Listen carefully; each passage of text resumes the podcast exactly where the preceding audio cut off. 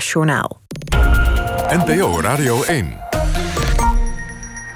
VPRO. Nooit meer slapen.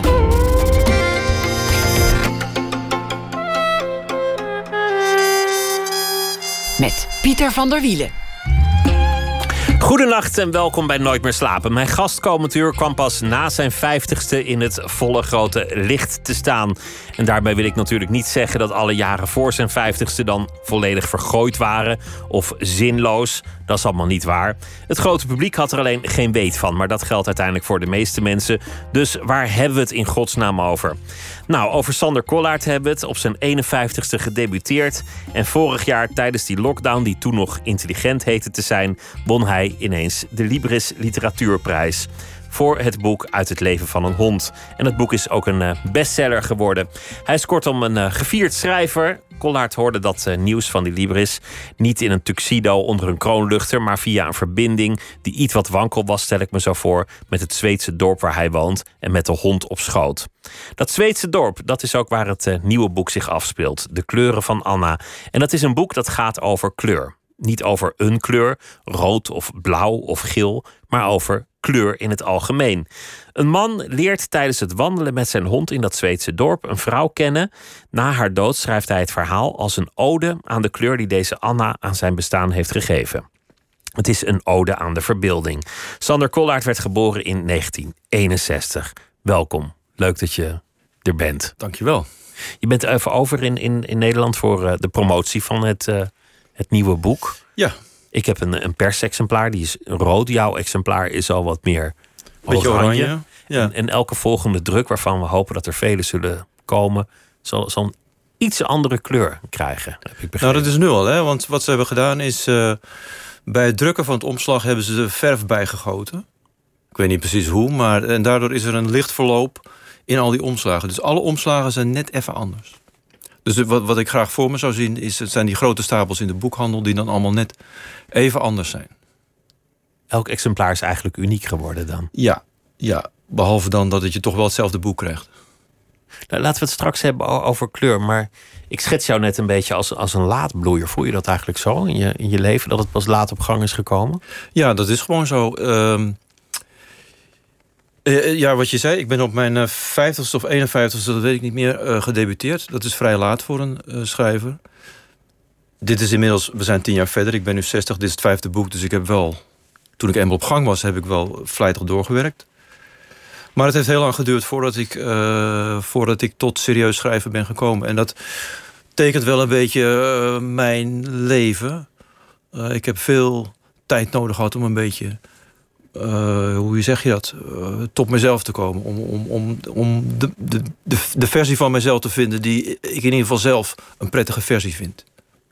Om je weg ook te vinden in het leven. Dus eerst jezelf te vinden en daarna ook op de rails te komen van het bestaan. Wat ja, een beetje blijmoedig door het leven te gaan en op, eh, vrolijk door het leven te gaan. Dat heeft me veel moeite gekost. Het heeft lang geduurd en dat heb ik tot op zekere hoogte echt moeten leren. Was je niet vrolijk dan, toen je jong was? Eh, nou, als kind wel. Als puber natuurlijk niet. Pubers zijn niet vrolijk. Maar ik heb een hele periode gehad, zo eh, vanaf mijn 25ste tot mijn eh, tweede helft 30. Dus 10, 15 jaar. Dat ik echt niet gelukkig was. Last had van somberte. Last ook wel had van depressies.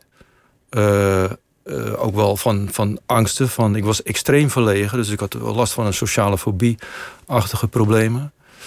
En eh, ik heb ja, veel tijd nodig gehad om dat van me af te gooien. En er gewoon een beetje lol in te krijgen.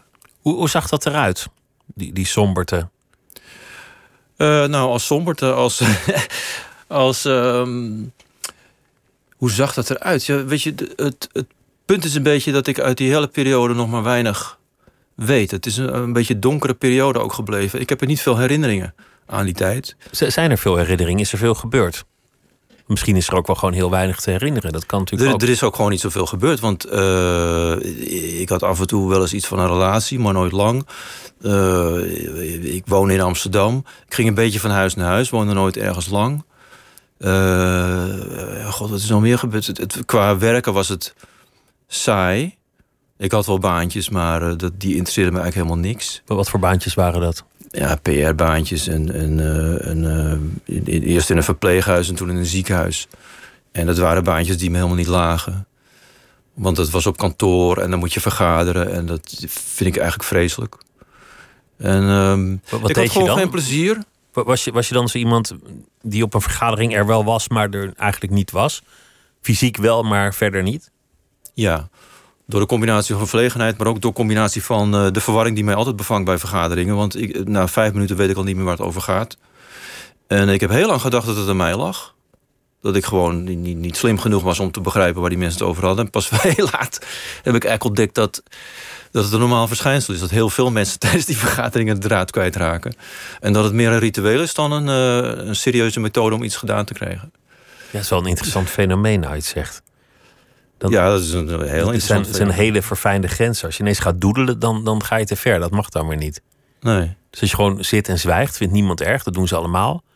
Maar zodra je je eerste Mickey Mouseje op het blaadje tekent, dan, dan heb je het helemaal gedaan. Ja, dat, ik weet niet meer. Het is lang geleden inmiddels dat ik heb vergaderd.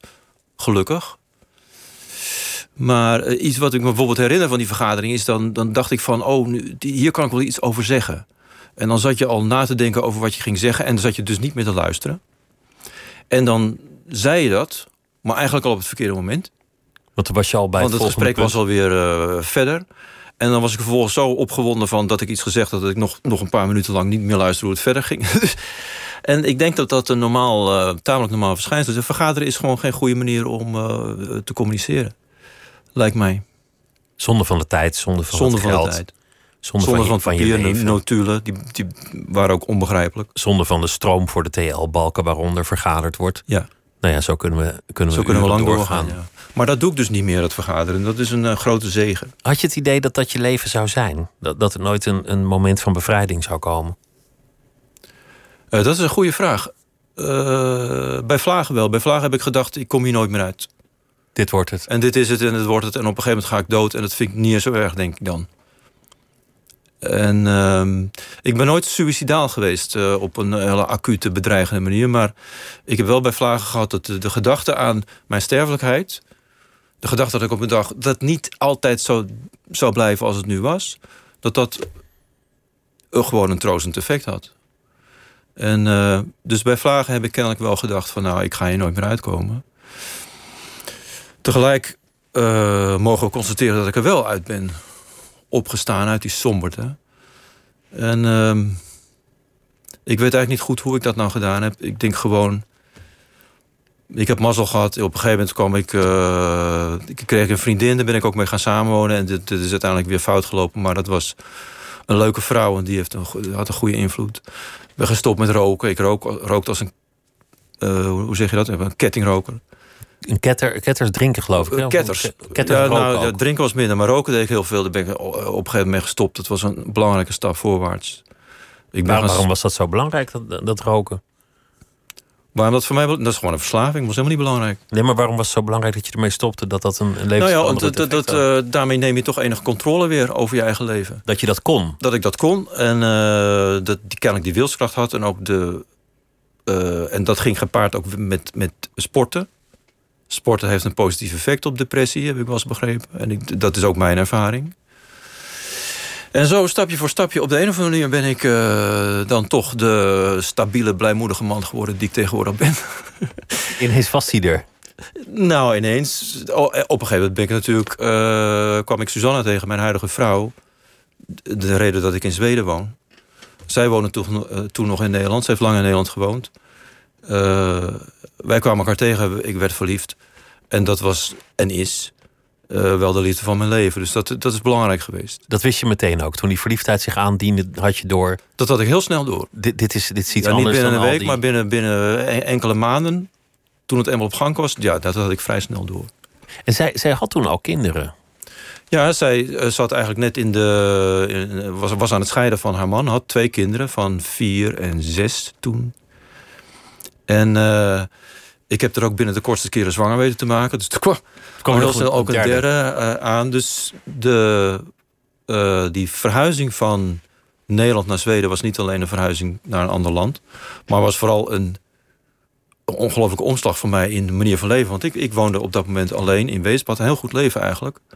Eh, en, en weinig zorgen. En ik kon doen en laten wat ik wil. En opeens was ik dus nummer vijf. Want zo gaat het. In een gezin, die kinderen komen eerst. En dan komt de moeder en dan komt papa. Dus je had En, ineens eh, allemaal drukte en lawaai en, eh, en logistiek om je heen. Ja, precies. Die, die, wordt ontzettend geclaimd door eh, zo'n gezin. En er blijft weinig tijd over voor jezelf. En dat vond ik lastig. En daar had ik Maar, maar dat, mee. besluit, dat besluit heb je wel snel genomen. Dat was, dat was, was dan Ja. van, oh, jij gaat naar Zweden. Ik ga met je mee. Zweden, oh, oké, kom eraan. Ja, ik was, ik was serieus verliefd. En zoals je weet, zoals iedereen weet die verliefd is geweest... is dat een vorm van ontoerekeningsvatbaarheid. Dan doe je allerlei dingen die je normaal gesproken nooit zou doen. Psychose, je kan er van alles Ja. op eh, plakken. Dus eh, ik zag daar helemaal geen probleem in. Ik dacht, daar ga ik gewoon mee. Home is where the heart is, dacht ik. Dus eh, dat is bij Susanna. Nou ja. En hoe was het dan in het begin? Want de, de Zweedse winters, de, de zomers zijn prachtig, maar de, de winters die zijn. eh, Die zijn donker, maar die zijn ook prachtig als het gaat sneeuwen. En dat gebeurt nog wel. Eh, wat minder vaak is mijn indruk dan in het begin, maar eh, dat gebeurt nog wel. Nee, wat leuk is aan Zweden, is eh, dat die seizoenen zo uitgesproken zijn. Wat een van de dingen die leuk zijn aan Zweden. En dat geldt voor die zomer, die inderdaad mooi is. Het geldt ook voor de lente, waar ik persoonlijk erg van houd. De herfst is ook ontzettend mooi. Met veel verkleuring en paddenstoelen en heerlijke geuren en mooie nevels. En soms een zon die door die nevels komt. En de winter is, als het gaat sneeuwen, als het echt koud wordt, is ook een verrukking eigenlijk. Wat moeilijk is, dat zijn deze maanden. Zo'n november, december, dan, dan is het al wel koud. eh, maar er ligt nog geen sneeuw. We hebben al wel een beetje sneeuw gehad, hoor, maar dat smelt dan toch weer weg. Maar dan is die duisternis is wel eh, eh, bedrukkend. Want uh, nou, s ochtends is er niet zoveel verschil met Nederland. Maar smiddags begint het om een uur of drie toch wel echt te schemeren. En half vier, vier uur is het, is het eh, donker. En dan is er een hele lange avond, een hele lange nacht. En als je opstaat de volgende dag is het nog steeds... want de kinderen moeten dan naar school, dus we staan om zeven uur op... is het nog steeds donker. En dat is het enige ehm, eh, minpuntje dat ik eh, kan noemen van het Zweedse klimaat. Want verder is dat Zweedse klimaat veel beter dan mensen lijken te denken. En dat heeft veel te maken met het contrast tussen die seizoenen. En dan zat je in een huis met drukte ineens, terwijl je gewend was om een, om een lekker leven op jezelf Mm. te, te leven. Maar vanwege de liefde ben je daar en dan ben je nummer vijf in dat huis, Mm. zoals je het zelf noemt. Kon, kon je daar makkelijk aan aanpassen? Nee, helemaal niet. Dat vond ik moeilijk. Ik vond, eh, ik vond alles moeilijk. Ik vond eh, eh, zo'n intense relatie vond ik moeilijk. Want er staat met kinderen staat er veel meer op het spel dan wanneer je gewoon een relatie hebt met een vrouw die geen kinderen heeft. En ik vond het moeilijk om kinderen op te voeden. Ik vond het moeilijk om die vaderrol te nemen. Ik vond het moeilijk om me aan te passen aan het hele dwingende, die dwingende dagindeling die je hebt als je jonge kinderen hebt. Ik vond alles moeilijk. En ehm, eh, dus, nou ja, wat, wat ik heb gedaan, da- zo ben ik wel aan het schrijven geraakt. Serieus aan het schrijven geraakt. Want ik heb op een gegeven moment heb ik tegen Suzanne gezegd: Nou, weet je wat, als je wil dat ik geestelijk enigszins stabiel blijf. Dan is het misschien een goed dat ik niet gek word hier. Dan is het een goed idee waarschijnlijk dat ik eh, op vrijdag eh, een paar uur eh, mij terugtrek. En eh, echt terugtrek en ga schrijven. En eh, zij zag dat wel in, want het is een verstandige vrouw. En ehm Eén dag in de week, één ochtend. één ochtend in de Ja, week. zoals ik me herinner. Ik, ik weet niet meer helemaal precies hoe het ging, maar zoiets was het. En toen ben ik gaan schrijven. En omdat het in een paar uur moest, ben ik veel gedisciplineerder gaan schrijven eh, dan ik voorheen deed. En eh, kwam er vrij snel ehm, iets tevoorschijn dat, dat ik echt goed vond. Toen begon het opeens echt interessant te worden en begon het me echt te interesseren. En, ehm, en daar heb ik eh, eigenlijk deze hele carrière aan te danken. Want eh, op een gegeven moment stuurde ik een verhaal op naar de gids. En die publiceerde dat. En toen een naar Tirade. En die vonden het ook mooi. En voordat ik het wist, zat ik bij Van Oorschot te praten. En, ehm, en uiteindelijk ben ik daar dus gedebuteerd met eh, een verhalenbundel. En toen was je schrijver. En toen was ik een eh, schrijver, tot mijn grote geluk. En toen was je 51. Kan, je zeggen achteraf dat je, dat je al die tijd nodig had in je leven ja, om, om materiaal te verzamelen, om geestelijk te rijpen, om je gedachten te scherpen, zodat je daarna klaar was voor die enorme productie van nu? Nou ja, dat is maar net wat te netjes en te, te bedacht. En, maar natuurlijk is het zo dat eh, al die dingen, dat hele leven, eh, komt in elk boek mee. Dus uh, ik was ongetwijfeld een heel andere schrijver geweest als ik op mijn veertigste was gedebuteerd of op mijn dertigste. Dus uh, natuurlijk is dat, werkt dat op die manier, ja. Ja, je kan het ook andersom zien. Was nou maar eerder gedebuteerd, dan had je dat talent dat je blijkt te hebben nog in een veel groter oeuvre kunnen omzetten. Ja, maar dan, uh, ja. maar dan had ik allerlei jeugdzondes begaan en boeken geschreven waar ik helemaal niet blij mee zou zijn later. Want zo gaat het natuurlijk. Je moet een beetje. Het is beter om wat ouder te zijn als je. Je hebt natuurlijk uh, unieke talenten en die debuteren heel jong, zoals Gerard Reven dat ooit deed met de avonden. Dat, maar dat soort mensen heb je denk ik niet zo heel veel. En veel debuten zijn aardig. En uh, je, ziet het talent, maar je ziet nog niet het boek dat, dat ze ooit gaan schrijven, als ze dat ooit gaan schrijven. Dus wat dat betreft ben ik uh, hoger ingestapt. En uh, ik heb er nooit spijt van gehad dat het zo lang heeft geduurd. Pas de laatste tijd denk ik van... Hmm, ik ben nu tien jaar bezig, vijf boeken. Ik wilde nog toch wel een heel aantal schrijven. En als er nog een keer tien jaar voorbij gaat, ben ik zeventig. Dus je hebt haast? Ik heb een beetje haast nu, ja. Ja. Er moet nu vaart in komen. Er moet nu vaart in, nou, ik moet de vaart erin houden, hè, want de vaart zit er goed in, vind ik. Maar, maar schrijf je nog steeds één dag in de week een ochtend? Nee, ik schrijf elke dag, zeven dagen. En nog steeds wel een ochtend, een paar uur, twee, drie uur. En dan met diezelfde concentratie als toen? Dat wisselt een beetje van dag tot dag, maar uh, ja, vaak wel. En uh, het, het, soms is bij Vlagen is dat dus een roman of een verhaal of een artikel, dat maakt niet uit. Maar ik ga elke dag zitten en elke dag schrijven. En um, als je dat gewoon maar elke dag doet, dan heb je op een gegeven moment weer iets dat gepubliceerd kan worden. Weet je zelf heel precies wat het, wat het gaat worden als je begint? Bijvoorbeeld met dit boek. Het, het, gaat, het begint alsof je een boek gaat schrijven waarin je systematisch, ja, als zo'n zo'n kleurenkaart die je die van een verfabrikant kan krijgen, alle kleuren gaat afwerken. Ik begon, ik dacht, wat, wat gaat hij nou doen? Dit is spannend. ja, dat dacht ik ook. Is, is dat ook hoe je het schrijft? Hm. Dit boek is echt ontstaan uit het idee. Ik wilde heel graag een boek schrijven uh, zonder te weten vooraf waar het over zou gaan. Uh, dus ik wilde niet een boek schrijven op basis van een ontwerp. Ik wilde niet eerst weten wat het verhaal zou zijn en de plot en al die dingen, personages. Maar ik wilde zoveel mogelijk aan laten komen op het schrijven zelf. Dus, uh, en waarom? Nou, omdat ik steeds weer merk dat dan de echt interessante dingen gebeuren. Dan wordt het echt leuk. Dan komen de beste zinnen, dan komen de beste invallen. Uh, dan die hele intuïtie die je nodig hebt om een boek te kunnen schrijven, lijkt dan optimaal te functioneren. Dus mijn gedachte was van nou, als dat waar is, uh, uh, dan moet het zo zijn dat het beste boek dat je in je hebt, dat tevoorschijn komt als je het aan laat komen op dat schrijven. Dat dus laat de hele voorbereiding maar zitten. Begint. Ja. Dus, dus ik heb wel een beetje voorbereid, want ik, heb een, ik ben begonnen met een, een, basale structuur die nog heel goed herkenbaar is in het boek nu. En dat heb ik echt in een half uurtje bedacht van uh, vier uh, verhalen, dacht ik eerst. Ik dacht dat het een verhalenbundel zou worden. Het werden dus vier hoofdstukken. Vier hoofdstukken. En in elk hoofdstuk wil ik iets met een kleur. In elk hoofdstuk wil ik iets met uh, klassieke literatuur. En in elk hoofdstuk wil ik iets met iets uit de krant. En dat was het idee. En zo ben ik begonnen te schrijven. Je kunt het helemaal volgen, want ik begin te schrijven het hoofdstuk rood. Ik begin te schrijven over rood, over rode dingen. En dan beetje bij beetje zie je dat er een verhaal ontstaat.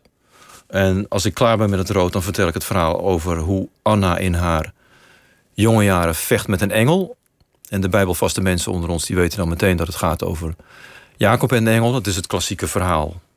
Dus dat, die klassieke literatuur die ik ook in elk hoofdstuk wilde hebben. Want jij bent gereformeerd opgevoed, hè? Dus, dus ja. bijbelkennis, dat is, dat is iets waar je altijd zal winnen met Triviant.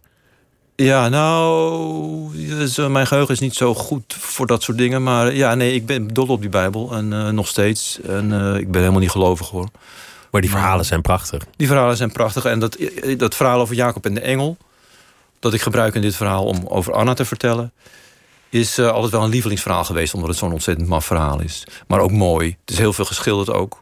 Hoe, hoe gaat dat verhaal voor de, voor de atheïstisch opgevoeden Nou, het verhaal over Jacob is heel lang. Maar op een gegeven moment gaat Jacob op weg naar zijn broer Esau. Die in een ander land woont. Hij leeft in onmin met Esau.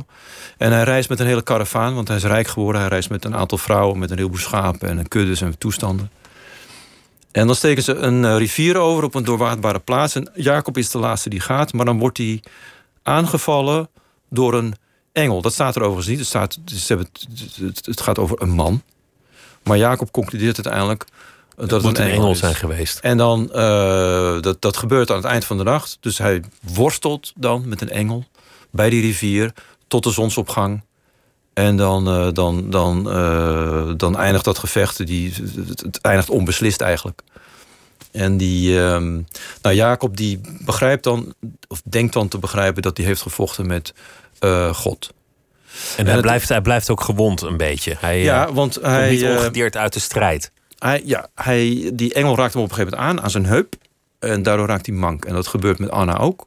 Die wordt ook aangeraakt door die engel waarmee ze vecht aan haar heup. En zij loopt dus ook mank. En ze loopt ook nog een litteken op boven haar linker of rechteroog. Ben ik even kwijt. Dus het is, als we Anna tegenkomen, is het eerste wat ze vertelt... eh, dat ze in haar jeugd gevochten heeft met een engel. En dat is natuurlijk een volkomen onwaarschijnlijk verhaal. Maar ze heeft er tastbare bewijzen voor.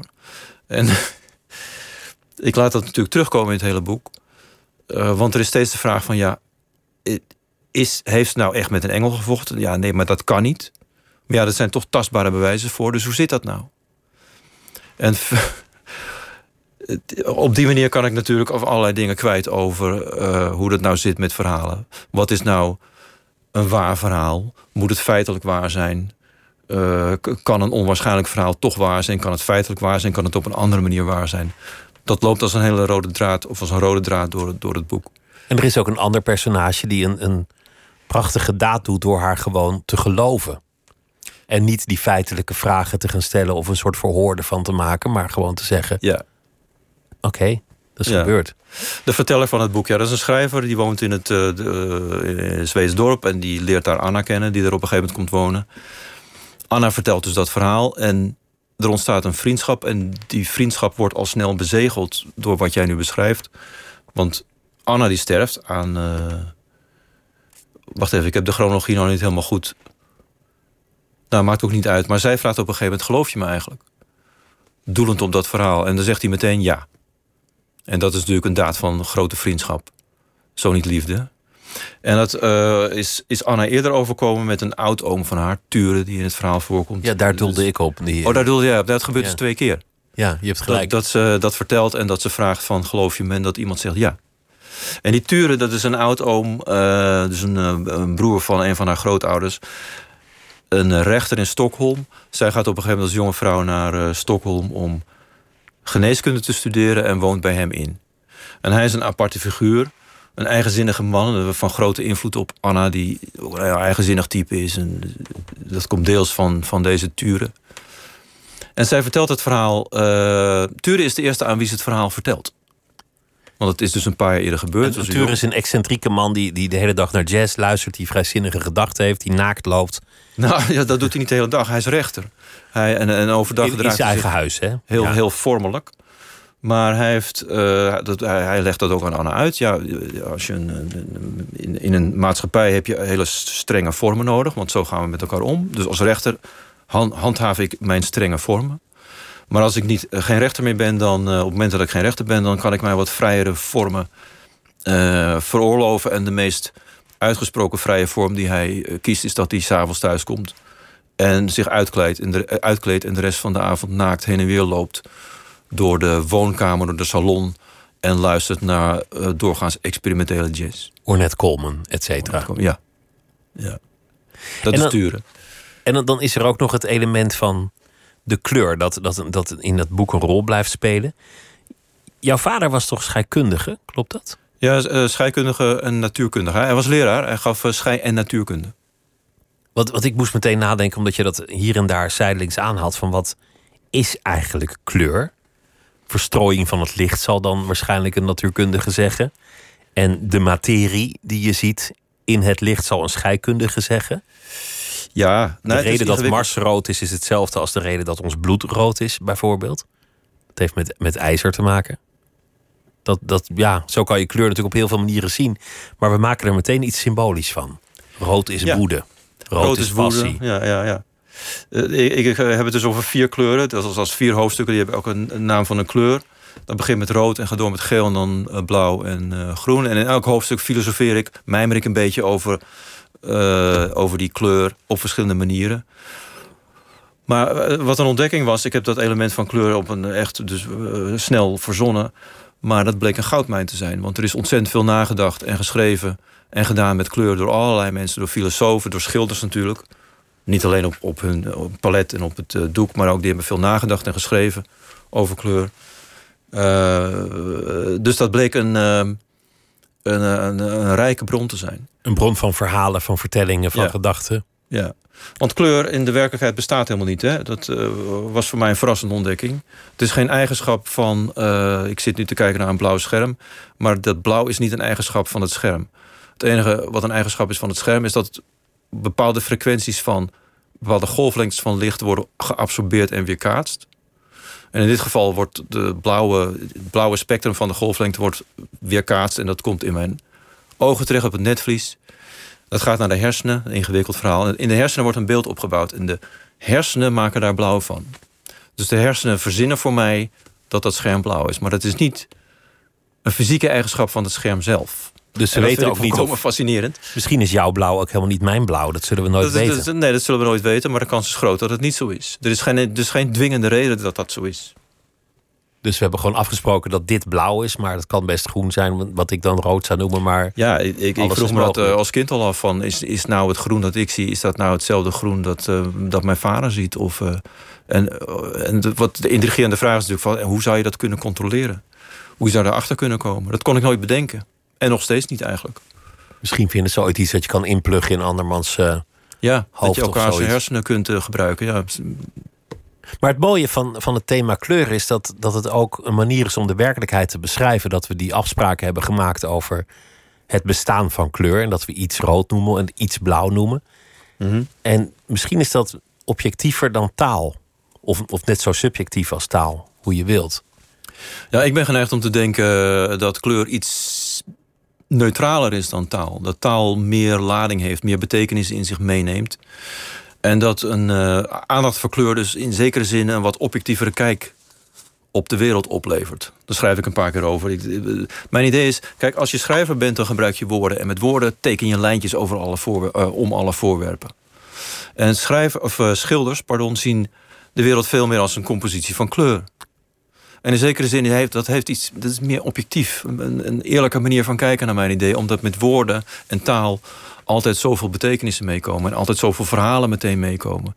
Dus door je te richten op kleur, zou mijn idee zijn: ontdoe je jezelf van al die verhalen die in je kop zitten.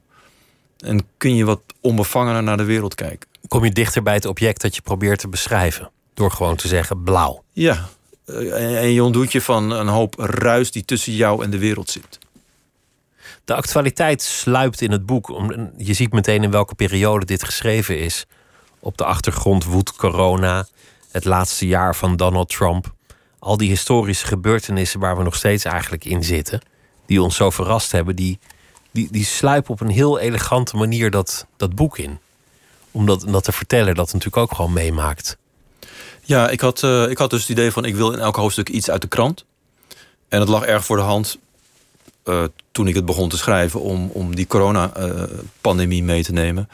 En Anna sterft aan COVID. Dus het, het, speelt ook een rol in het verhaal zelf.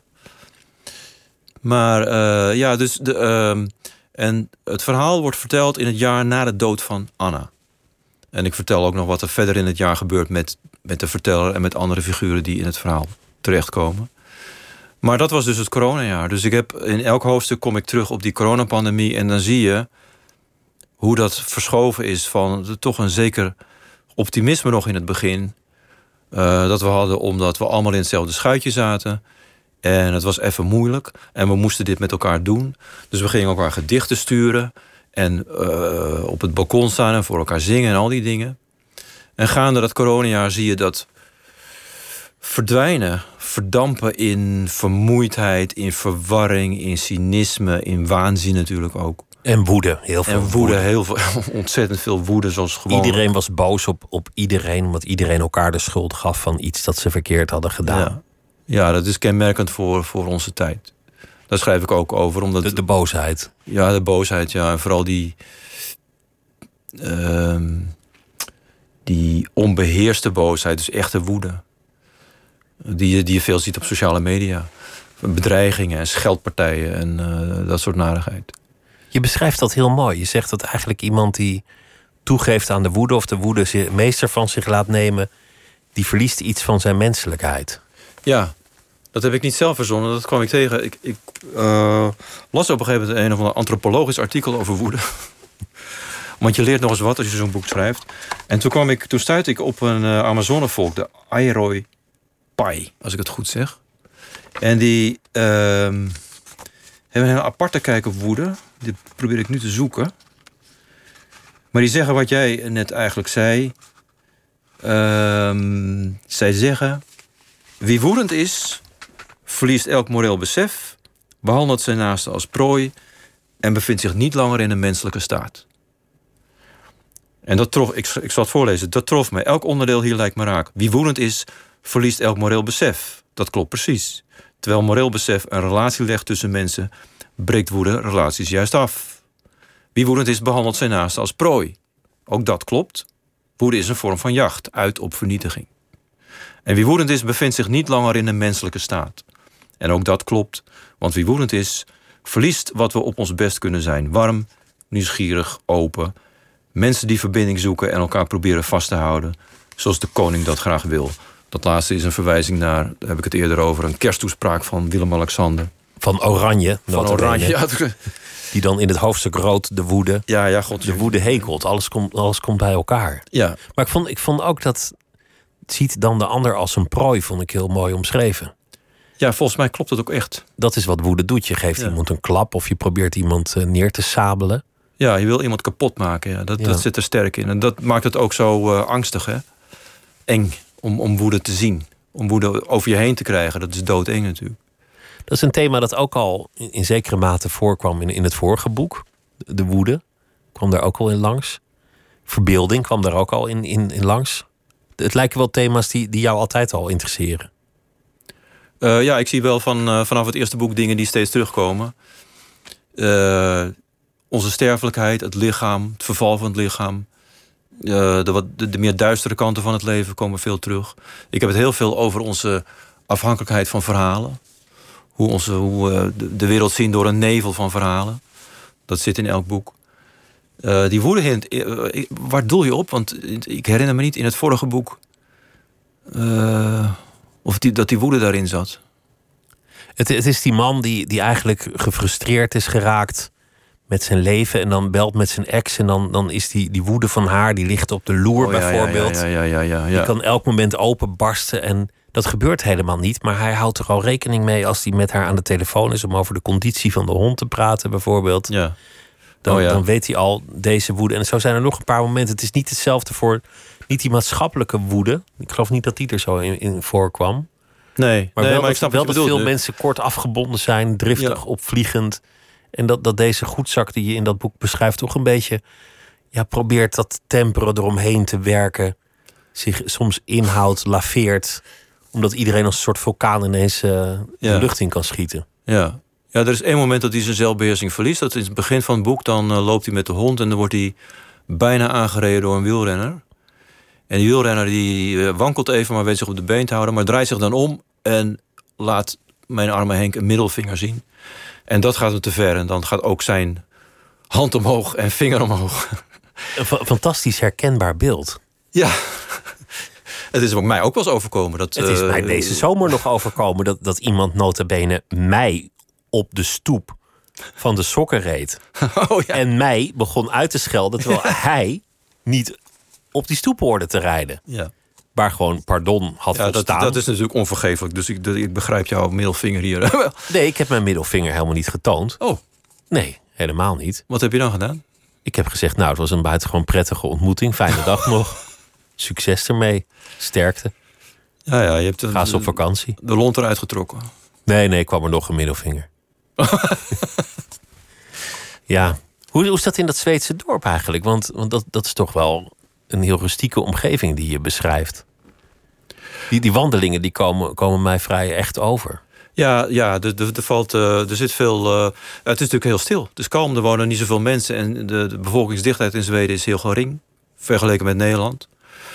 Dus ik loop veel met die hond en dan loop ik vaak. eh, ja, dan is er geen mens te bekennen.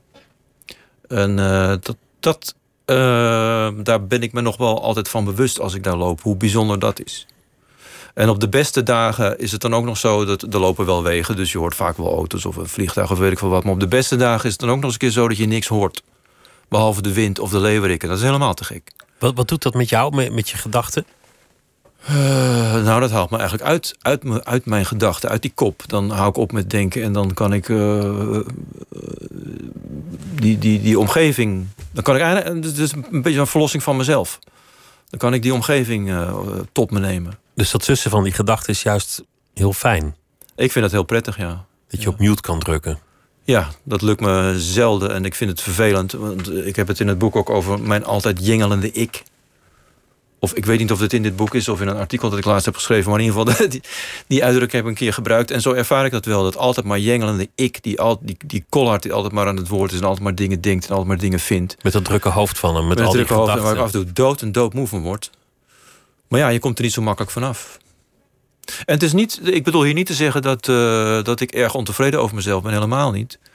Uh, ik, ik zou mezelf zeker een 7 plus geven, deze versie van mezelf. Maar wat me soms dwars zit, is dat er maar één versie is van mezelf. Het is zo, daar kan ik zo moe van worden.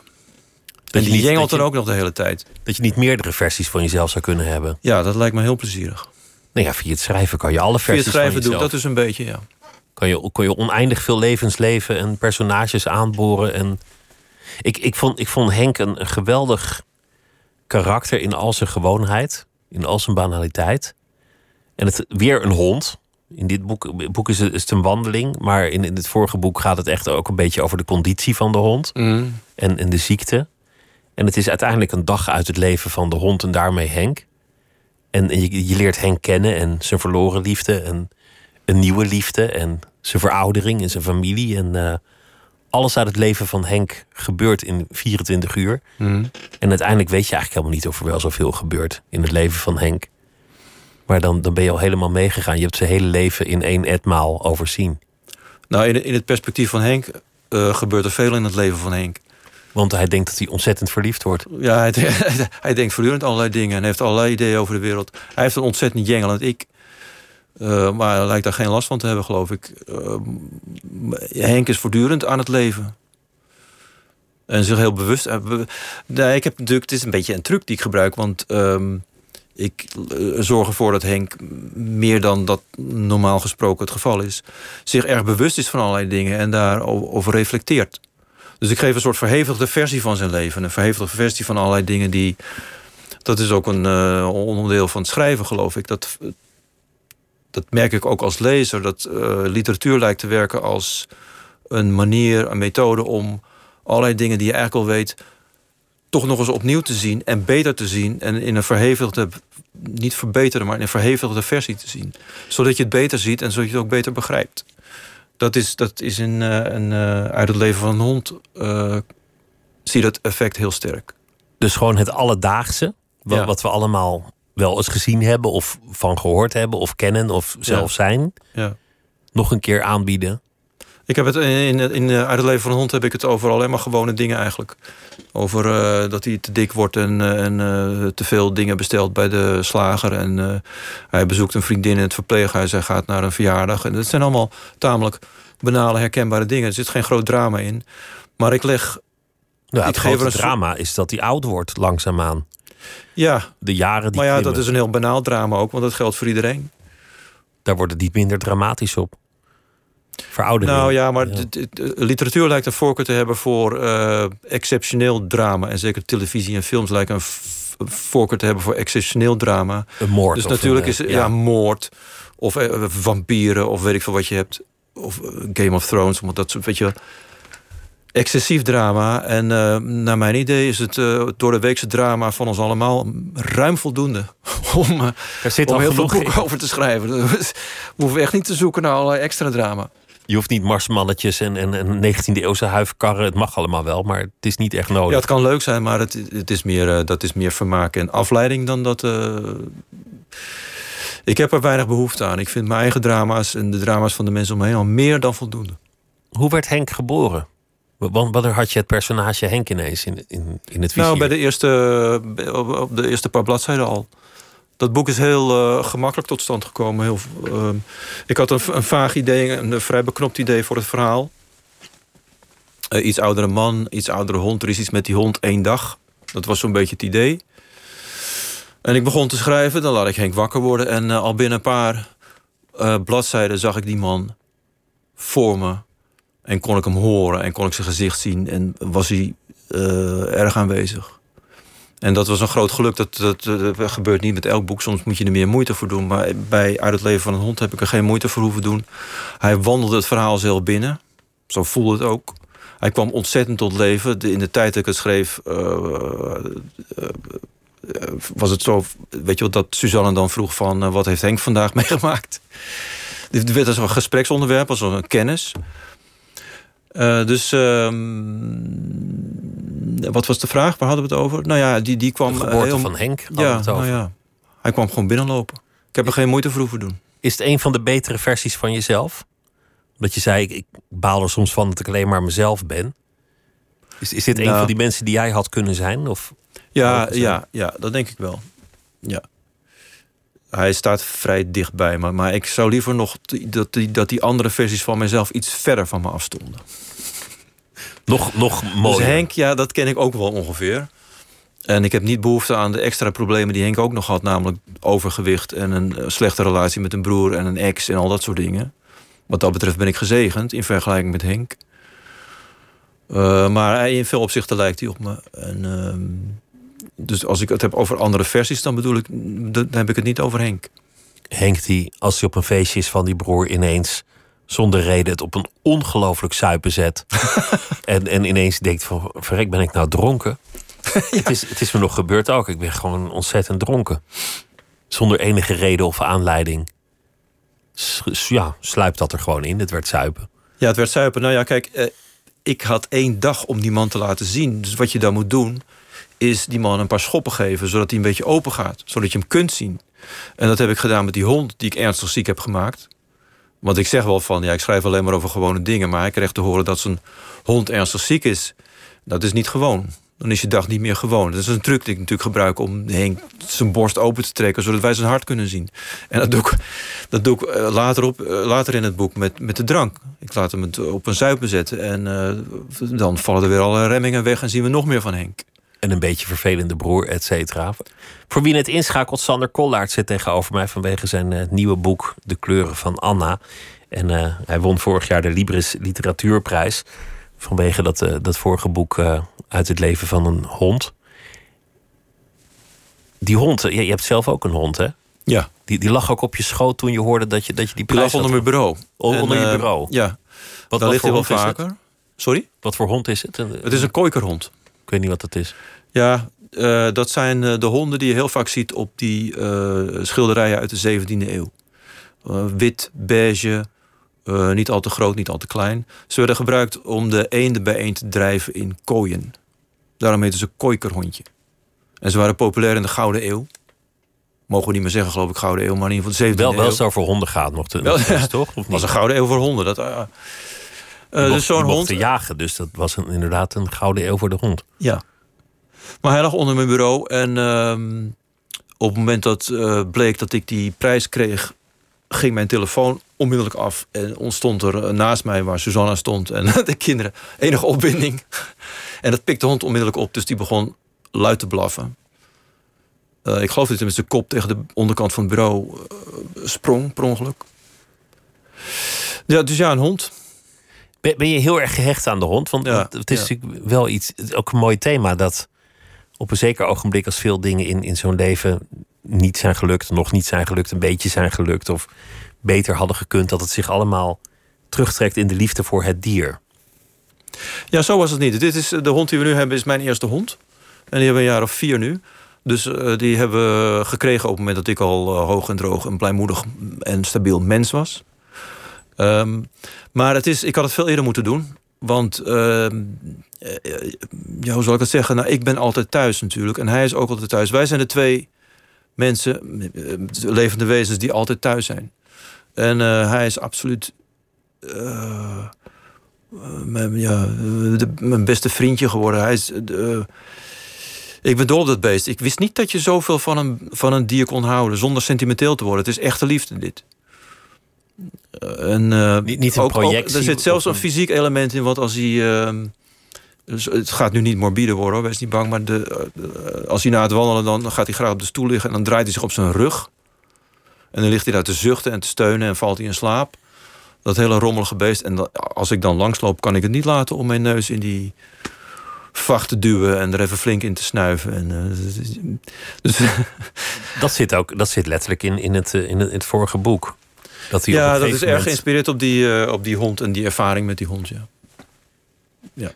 De fysieke weldaad van het snuiven aan de vacht van. Uh, ja, en uh, die, dat beest, beest, aanraken en zien hoe dat. Hoe, wat ook geweldig altijd is, is als hij gaat rennen, want dan gaan die oren zo mooi bewegen. Dat beschrijf ik geloof ik ook in Uit het leven van een hond. Nee, het is een verrukking en ik had het eerder moeten doen. En ik zie nu al op tegen, dat beschrijf ik ook in Uit het leven van een hond, dat die hond doodgaat.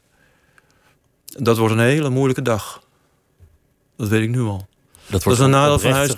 Ja, ze gaan eerder dood dan jij meestal. Ja, dat wordt serieuze rouw, ja. ja. Ik heb bij, bij een hond nog wel eens het idee dat, dat het dan ook wel een soort van wederkerig is. Maar mensen die heel erg verliefd zijn op een kat, dan denk ik, ja, die kat heeft dat niet in dezelfde mate met jou. Nou, we hebben ook katten. En uh, een van die, van die twee katten die uh, heeft iets hondachtigs. En die houdt ook echt van ons. Ongeveer zoals de hond dat doet. En die andere kat is meer de, de stereotype kat die wat nuffig is. En ons meer ziet als het bedienend personeel. Ook een schat van een beest. Maar uh, die, ik, weet niet of ze heel veel van ons houdt. Als we, als we onze taken zouden verzaken, dan zou ze denk ik naar, naar de buren gaan. Je, je kunt het ook fantasievoller kijken. En dat is eigenlijk meer in de geest van dit boek. Als, je, als jij een, een oprechte relatie voelt en ervaart in de liefde voor een kat, een hond, een cavia, een plant, maakt mij wat uit, dan is dat zo. Je kunt, je kunt ook de waarheden aanvaarden als ze komen met het verhaal of met de verbeelding of met, met hetgeen je ziet. Ja, daar is, daar is in dit geval niks op tegen. Uh, hoe we de wereld ervaren heeft niet zo veel te maken met de wereld zelf, maar wat we over die wereld vertellen. Dus als jij uh, jezelf het verhaal vertelt dat je verliefd bent op de plant, dan kan ik daar wel mee leven. Maar er zit een andere kant aan, lijkt mij, want uh, je kunt jezelf ook allerlei onzin wijsmaken over de wereld. Daar zien we ook veel voorbeelden van. En, uh, steeds meer heb ik de indruk. Ja, steeds meer. Ik heb ook het idee dat de hoeveelheid waanzin in de wereld toeneemt langs een vrij scherpe curve. En dat is verontrustend, maar dat is eigenlijk een aspect van hetzelfde verschijnsel. Namelijk dat we verhalenvertellers zijn. En, uh, en dat onze verbeeldingskracht een krachtig instrument is in het hoofd. Uh, dat allerlei resultaten produceert die niet altijd even, even aangenaam zijn. Je hebt, je hebt geschiedenis gestudeerd. Mm. In die tijd mocht je daar nog lang over doen. En het is een studie waar je ook lang over moet doen. Om het goed te doen. Vond ik wel, ja. Ja, vind ik ook. Ik vind niet dat je dat, je dat in drie jaar moet afraffelen. Want nee, dat kan helemaal niet. Dat is onzin. Dat, dat is onzin. Maar dat is eigenlijk in heel veel opzichten ook voortgekomen, het vak, uit de noodzaak van mensen om overal een verhaal van te maken. Een soort lijn in te zien, een causaliteit, een, een verband. Natuurlijk, natuurlijk. maar dat geldt voor bijna alles. Het geldt ook voor het verhaal, voor je eigen identiteit. Dat is ook een verhaal dat je aan jezelf vertelt. En een verhaal dat, dat weet je wel, dat heeft de vorm van... Uh, ik, ben, ik ben iemand die schrijver is en ik ben iemand die getrouwd is met Suzanne. Ik ben iemand die van rode broeken houdt en ik ben iemand die stiekem graag naar F Formule 1 uh, eh, kijkt. Ook al is hij daar eigenlijk erg tegen. En ik, nou ja, al dat soort dingen. Een hele lijst van dingen die je over jezelf vertelt. Het zijn allemaal kleine verhaaltjes. En ergens in die lijst doem je dan op. En dat is dan je identiteit. Maar het zijn allemaal... Het komt allemaal neer op verhalen vertellen over jezelf. Ik denk dat mensen, samenlevingen misschien niet zo heel goed zonder verhaal kunnen. Nee, dat is onmogelijk. Ik, zie dat, uh, ik zou niet weten hoe dat eruit ziet. Ik kan, me daar, ik kan me daar geen voorstelling van maken. Ik zou er geen verhaal over kunnen verzinnen. Wel interessant, omdat je, dat je die pandemie erin in verweeft. En, en het boek voor een deel ook gaat over de noodzaak om verhalen te vertellen en hmm. de, de verbeelding toe te staan. Dat, dat was natuurlijk eigenlijk ook vanaf het begin verhalen vertellen. Over die pandemie? Ja, en, en dat bedoel ik niet zonder respect voor de deskundigen die wel degelijk vanuit een, een vak en kennis en met feiten op tv komen en iets vertellen. Maar ze, ze houden ons ook een verhaal voor, omdat ze soms het misschien niet weten. Of omdat wij gewoon vragen om een verhaal. En ze willen niet met lege handen staan. De hele tijd werd, werd dat verhaal op een nieuwe manier. Het virus werd ook een wil toegekend. Het virus houdt nou eenmaal. Het virus is bang voor dit. Het, Het werd echt gepersonifieerd. Ja, dat is wat je krijgt als je verhalen gaat vertellen. Ja, natuurlijk, de, de verhalen barsten onmiddellijk los. En uh, dat waren niet alleen de, de deskundigen, maar het waren natuurlijk ook de politici. En dat waren wij. En uh, op, op alle mogelijke manieren begonnen we verhalen te vertellen over die pandemie. En uh, het punt is natuurlijk dat niet alle verhalen even goed zijn. En even waar zijn. En evenveel waard zijn. Uh, want kijk, die deskundigen, die, als ze verstandig zijn, dan zeggen ze van nou, uh, we denken dat het zus en zo zit met het virus. Dat lijkt ons de meest waarschijnlijke. Uh, maar helemaal zeker weten we het niet. Maar we, we, leven in een cultuur waarin je die voorzichtigheid bijna niet kunt opbrengen, omdat je heel snel dan het verwijt zult krijgen van ja, nou jij weet het dus eigenlijk ook niet. Jij raadt er ook maar een beetje naar. Dus uh, ik hoef me niks van jou aan te trekken. Ik heb zo mijn eigen verhaal over het virus. Dat verschijnsel zie je natuurlijk ook. Dat is begonnen, denk ik. eh, Althans, mij werd, uh, ik werd daar mij bewust van met, met, met die hele Brexit-periodes. Toen. ik ben even de naam kwijt in Engels. Michael Grove, een Engelse politicus, was voor Brexit. En die zei over experts: van ja, dat is ook maar een mening. Ja, dat kan ik me herinneren, dat moment. En uh, ik weet niet meer zijn precieze formulering, maar... En uh, dat, dat is natuurlijk desastreus om te zeggen. Een ontzettend filijn, want het is een man die beter moet weten.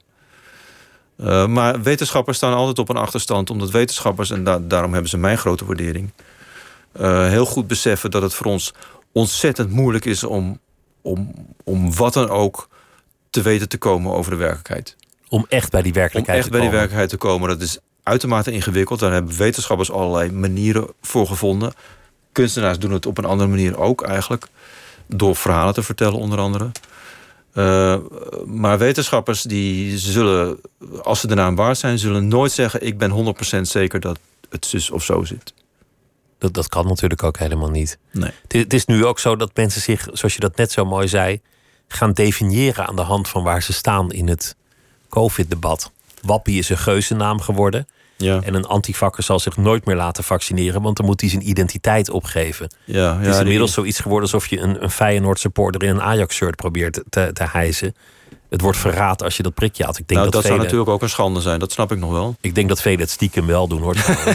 ik denk dat ze gewoon op Facebook dan nog zullen zeggen van nou, ik ben hartstikke tegen. En intussen gewoon ja, dat zou heel goed kunnen. Ik, in, uh, is het niet zo dat in uh, streng christelijke gemeentes uh, de, de, huisarts stille diensten aanbiedt wat vaccinatie betreft? Dat die bereid is om aan de achterdeur te, aan de achterdeur te komen? Ja, dat gebeurt natuurlijk. Ik hoop dat het gebeurt. Een, maar, hoop, religies, een hoop religies zouden zonder achterdeur niet levensvatbaar kunnen zijn. Nee.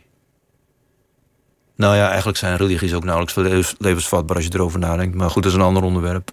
Ook, ook. Maar ja, die identiteit en de manier waarop we onze identiteit weten te versimpelen tot een of andere kwestie of tot één aspect van wie en wat we zijn, dat wordt natuurlijk ook een tikje vermoeiend. Uh, en uh, het treft mij altijd als um, ontzettend fantasieloos. Als... Ik las vandaag op nu.nl toevallig. Dat was, Baudet heeft weer iets gezegd kennelijk. En het is door allerlei mensen opgevat als antisemitisch. En dan krijg je dan een, een, een, debat van hoe moeten we nou gaan reageren? Moeten we nou er tegen ingaan? Moeten we zeggen van het is, je bent een antisemiet, je, je, je, komt aan onze democratische normen en waarden. En wat mij dan treft is dat de voor de hand liggende optie hier niet gekozen wordt, namelijk om het gewoon te negeren. Om het te laten smoren in onze stilte. Want die man gaat er alleen maar met gestrekt been in. En het gestrekte been is, het, is gebaseerd op een versimpelde, versimpeld idee van wat Hollandse identiteit zou zijn.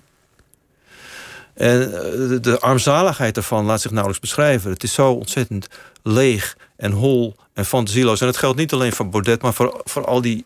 Zoals Trump altijd wist, als ik dit roep... dan heb ik de opening van alle journaals... en dan is het nieuwe plan van ja, Hillary. en Wilders weet het ook heel goed. En, uh, en zo zijn er nog een paar van die lui.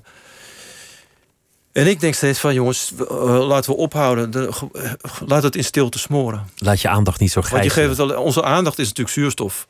En het gaat ook alleen maar om onze aandacht. Onze aandacht is het doel zelfs van die lui. Maar dat, dat is precies mooi wat je zegt. We laten, onze, onze aandacht is zuurstof. En wij bepalen waar we onze aandacht aan geven. Ja. Ook voor onszelf, voor ons eigen welzijn... is het misschien heel goed om een keer je aandacht op leukere, mooiere, nuttiger dingen te richten... dan al die dingen waar die aandacht maar de hele dag in verdwijnt. Ja. En de, bijvoorbeeld niet met te klikken op artikelen die gaan over Trump. Daar ben ik mee opgehouden. Ik, heb, ik ben uh, vier jaar lang, toen hij president was, ben ik geobsedeerd geweest door die, die, die man. En toen, toen, nu zijn we van hem af. We, zijn niet van hem af, maar ik ben opgehouden met te klikken. Want dat geeft dus zuurstof. En in dit geval ook letterlijk, want die media die werken ook zo... dat hoe meer mensen klikken op zo'n artikel... hoe beter het voor ze is om over zo'n man te schrijven. Dat moet je dus niet doen, je moet niet klikken. En, en, maar met het geven of het onthouden van aandacht... hebben we dus toch een zekere macht. Dan heb je zelf de macht over waar je blik... Je kun in ieder geval zelf iets beslissen. En, uh... Vergt ook discipline uiteindelijk. Daar gaat het over. Ja, en ik tuin er nog vaak genoeg in dat ik toch... Uh, uh, toch klik op een artikel waarvan ik achteraf denk van had ik niet moeten doen. Een of andere Amerikaanse gek die, die dan weer iets roept. En uh, zo'n republikein. En, uh... ja, of dat je een longread over het liefdesleven van Marco Borsato zit te lezen. Nou, dat vind ik wel interessant. Maar, ja? Oh, ja. ik dacht, laat die man lekker wat hij wil. Dat heb ik ermee te maken. Ja, dat is. Nee, het interesseert me ook werk helemaal niks. Dat, dat, dat, het thema uiteindelijk in, in je boek, De kleuren van Anna, is hoe je de kleur geeft aan het bestaan. Hoe iemand anders kleur kan geven aan je bestaan. Hoe je dat bestaan zwart kan maken, grijs kan maken. Of dat er ineens kleur in het leven kan zijn. Ja, het is uh, in zekere zin hetzelfde thema als in Uit het leven van een hond. Dat het een uh, inspanning vraagt. En het is een, dat is een creatieve inspanning. Het is een daad van verbeeldingskracht. Om in de wereld nog dingen te vinden die goed en mooi en waar zijn. In, in, het, uit het leven van een hond heb ik dat op een persoonlijk niveau gedaan. En hier doe ik het meer op het niveau van, de, van onze bredere cultuur. Maar het is zo. Het is, uh, je kunt van de wereld. Uh, nou, je kunt niet van de wereld maken wat je wilt. Maar je hebt wel een zekere invloed over. op uh, hoe je wilt dat de wereld met jou is. Ook een beetje het verhaal van jouw leven. Jouw leven heeft ook meer kleur gekregen ook een beetje, met ja. de jaren. Nou ja, ik heb uh, onder andere uh, in tijden dat ik erg depressief was, heb ik wel therapie gehad. Onder andere cognitieve therapie. En dat is een van de weinige vormen van psychotherapie die bewezen effectief zijn. En wat doe je dan?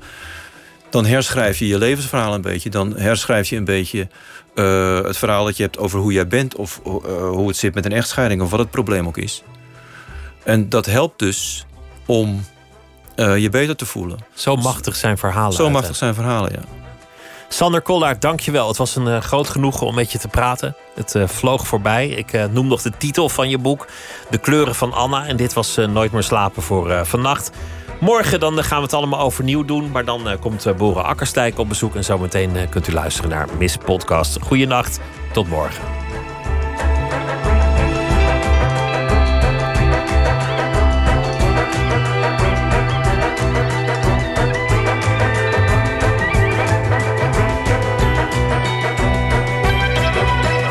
NPO Radio 1. Wie luistert, weet meer. NPO Radio 1.